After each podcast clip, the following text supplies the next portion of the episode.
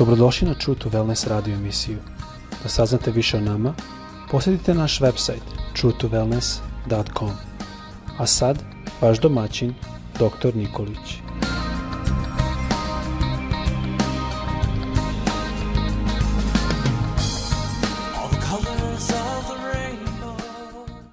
Draga braćo, drage sestre i dragi prijatelji, srdačan pozdrav za sve vas koji nas slušate.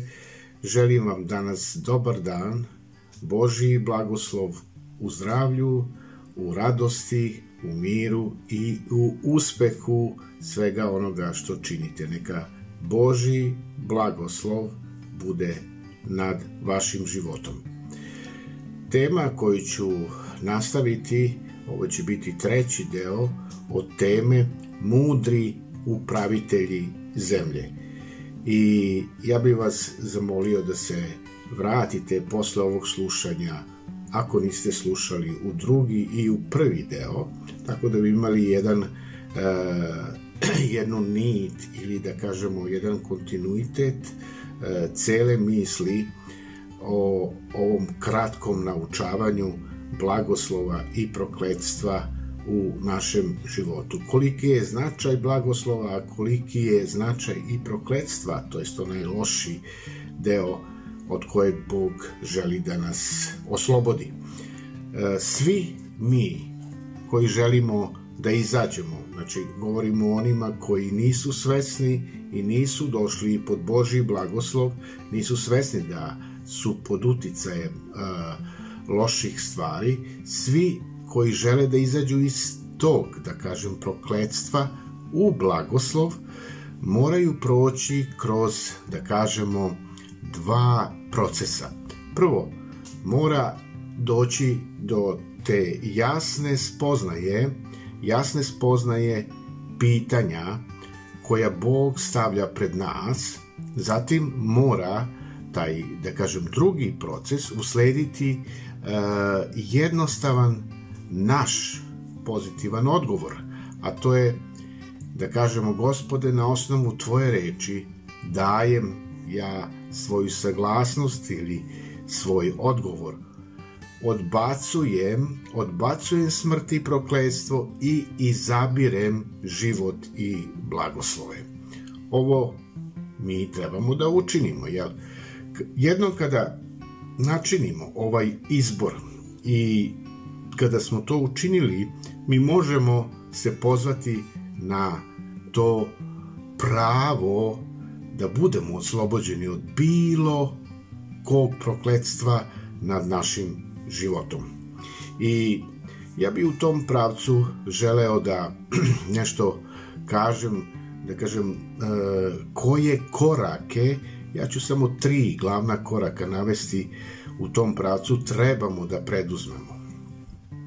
Ono što je važno jeste prva stvar, prvi korak, priznaj svoju veru u Isusa Hrista i njegovu žrtvu u tvoju korist. Znači, u moju korist. Kada otvorimo Novi Zavet u Rimljanima poslanici u 9. glavi, u 10. glavi, 9. i 10. stih, apostol Pavle on objašnjava da postoje dva suštinska uslova za primanje povlastica Hristove žrtve, a to je verovati u srcu da je Bog podigao Isusa iz mrtvih i priznati našim ustima da je On gospod. Priznati našim ustima da je On gospod. Vera srca nije potpuno, da kažemo, delotvorna ukoliko je ne prati i priznanje našim ustima ili ispovedanje našim ustima. Doslovce ili doslovno priznati šta znači. To znači reći isto ono kao. U kontekstu biblijske vere, svetopisamskog e, otkrivenja, priznanje naše znači našim ustima ono što je Bog već rekao u njegovoj reči. Znači ono što stoji zapisano u reči njegove. A šta je Bog rekao u njegovoj reči? U jevrejima poslanici Novog Zaveta 3.1 Isus je nazvan prvo sveštenikom naše veroispovesti. I kada mi damo, da kažem, jedno ispravno biblijsko priznanje u pogledu njega, šta će se tada dogoditi? To u stvari pokreće njegovu prvosvešteničku Isusovu službu u moju korist, to jest u našu korist. I da bismo primili te blagoslove, to jest te sve povlastice Hristove žrtve na krstu koji je on izvojao za svakog od nas, za tebe i za mene, mi moramo dati sasvim određeno, precizno, lično priznanje i reći u, da kažem, u ovome pravcu molitva. Gospode Isuse Hriste, ja verujem da si ti sin Boži i jedini put ka Bogu, da si umro na krstu za moje grehe i da si ustao iz mrtvih. Druga stvar ili drugi korak koji želim da navedem i koji smatram da je važan u primanju blagoslova, moglo bi da postoji, da kažem, mnoštvo tih nekih spoljnih faktora od kojih neki idu unazad. Da kažem, u taj genetski kod, unazad kod naših predaka, do prethodnih generacija. Bez obzira, bez obzira na sve, koren svih tih duhovnih, da kažemo, uh, uh, naših problema leži često puta u nama samima. On se može sa, sažeti u jednu reč, a ta reč je avon, što znači bezakonje. Taj buntovan stav prema Bogu i gresi koji iz njega iz, izviru. I za to opet ja moram prihvatiti tu ličnu odgovornost. Ne mogu moji preci koji više ne postoji, koji više ne žive, jel? Zbog toga, pre nego što primim Božju milost, Bog, On mi nalaže da se pokajem. To je ono što je važno. To mora biti e, ne naterana neka odluka koju ja činim, nego jedna dobrovoljna odluka sa moje strane. Da odložim svoje buntovništvo i da se bez rezerve podložim svemu onome što Bog zahteva od mene. Novi zavet ne ostavlja mesta za veru koja krši ili koja preskače pokajanje. Jovan, krstitelj preteča Isusov, on je došao da pripravi put Isusu pre nego što je Isus došao. I prva njegova poruka ili reč koju je on izgovorio bila je pokajte se, Matej 3.2. Kasnije kada Isus otpočeo tu javnu službu, Nastavio je tamo da Jovan stavi, kaže, pokajte se i verujte u dobru vest evanđelja. Bez pokajanje moja vera ne može biti plodonosna i nije moguće da bude plodonosna i plodot, plodotvorna. Tako da mnogi, da kažem, takozvani hrišćani e, neprestanu muku muče sa tim da imaju tu veru i negde e, negde e, ne znaju šta je to što ne funkcioniše kod njih da nisu pod blagoslovom. Pa jasno je da je tu problem taj uslov pokajanja. Svaki dan mi imamo potrebu da se pokajemo i da prihvatimo Isusovu žrtvu za sve ono što je On učinio za nas.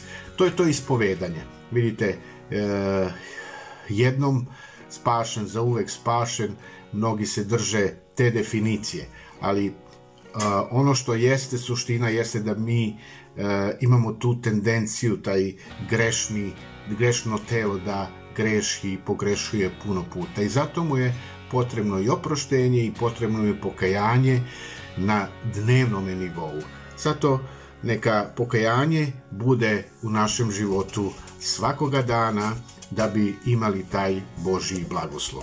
I treća stvar koja je važna, i tu ću zaključiti, da velika prepreka koja zadržava Božje blagoslove e, van naših života jeste neoprošten greh. I Bog, On se već pobrinuo da naši gresi budu oprošteni, tako što je dao svoga jedinorođenog sina Isusa Hrista, koji je došao na zemlju i umro na krstu i vaskrso da bi mi imali oproštenje greha kroz njegovu žrtvu. I zato je važno da ispovedamo naše grehe I onda kaže Sveto pismo, veran je on i pravedan da nam oprosti grehe naše i očisti nas od svake nepravde. A to nalazimo zapisano u 1. Jovanovoj prvoj glavi 9. stih. Bog je veran da ovo učini zbog toga što nam je dao svoje obećanja, a on uvek ispunjava svoje obećanja. On je veran u ispunjavanju svojih obećanja. On je takođe i pravedan zbog toga što je punu kaznu e, platio za naše grehe i kroz Isusa Hrista. Haleluja. I moguće je da je Bog ti ukazao ili da ti ukazuje na neki greh koji je e, otvorio to prokledstvo u tvom životu. Ako je tako, i ako to prepoznaješ, nemoj to ignorisati. Nemoj ignorisati savest. Nemoj jednostavno pustiti to, neka to e, dođe kad dođe. Ne, nego priznaj odmah, odmah, odmah taj greh i imaćeš odmah blagoslov Božji u svome životu. E, I zato ja ću ti dati jedan savet kako da moliš molitvu i s ovim ćemo zaključiti. Evo prikladne te molitve za ovu priliku da steknemo oproštenje od svih greha. Priznajem ti Bože sve moje grehe pred tobom i molim se za oproštenje. Naročito za greh koji je uzrokovao prokledstvo u mom životu. Oslobodi me Bože, takođe i od posledica greha mojih predaka, generacija koje su iza mene. Neka Bog te vodi, neka te Bog čuva, imaj svesnost pokajanja i imaj svesnost da Boži blagoslov treba da bude na tvom životu da bi bio sretan. Imaj dobar dan danas. Amin.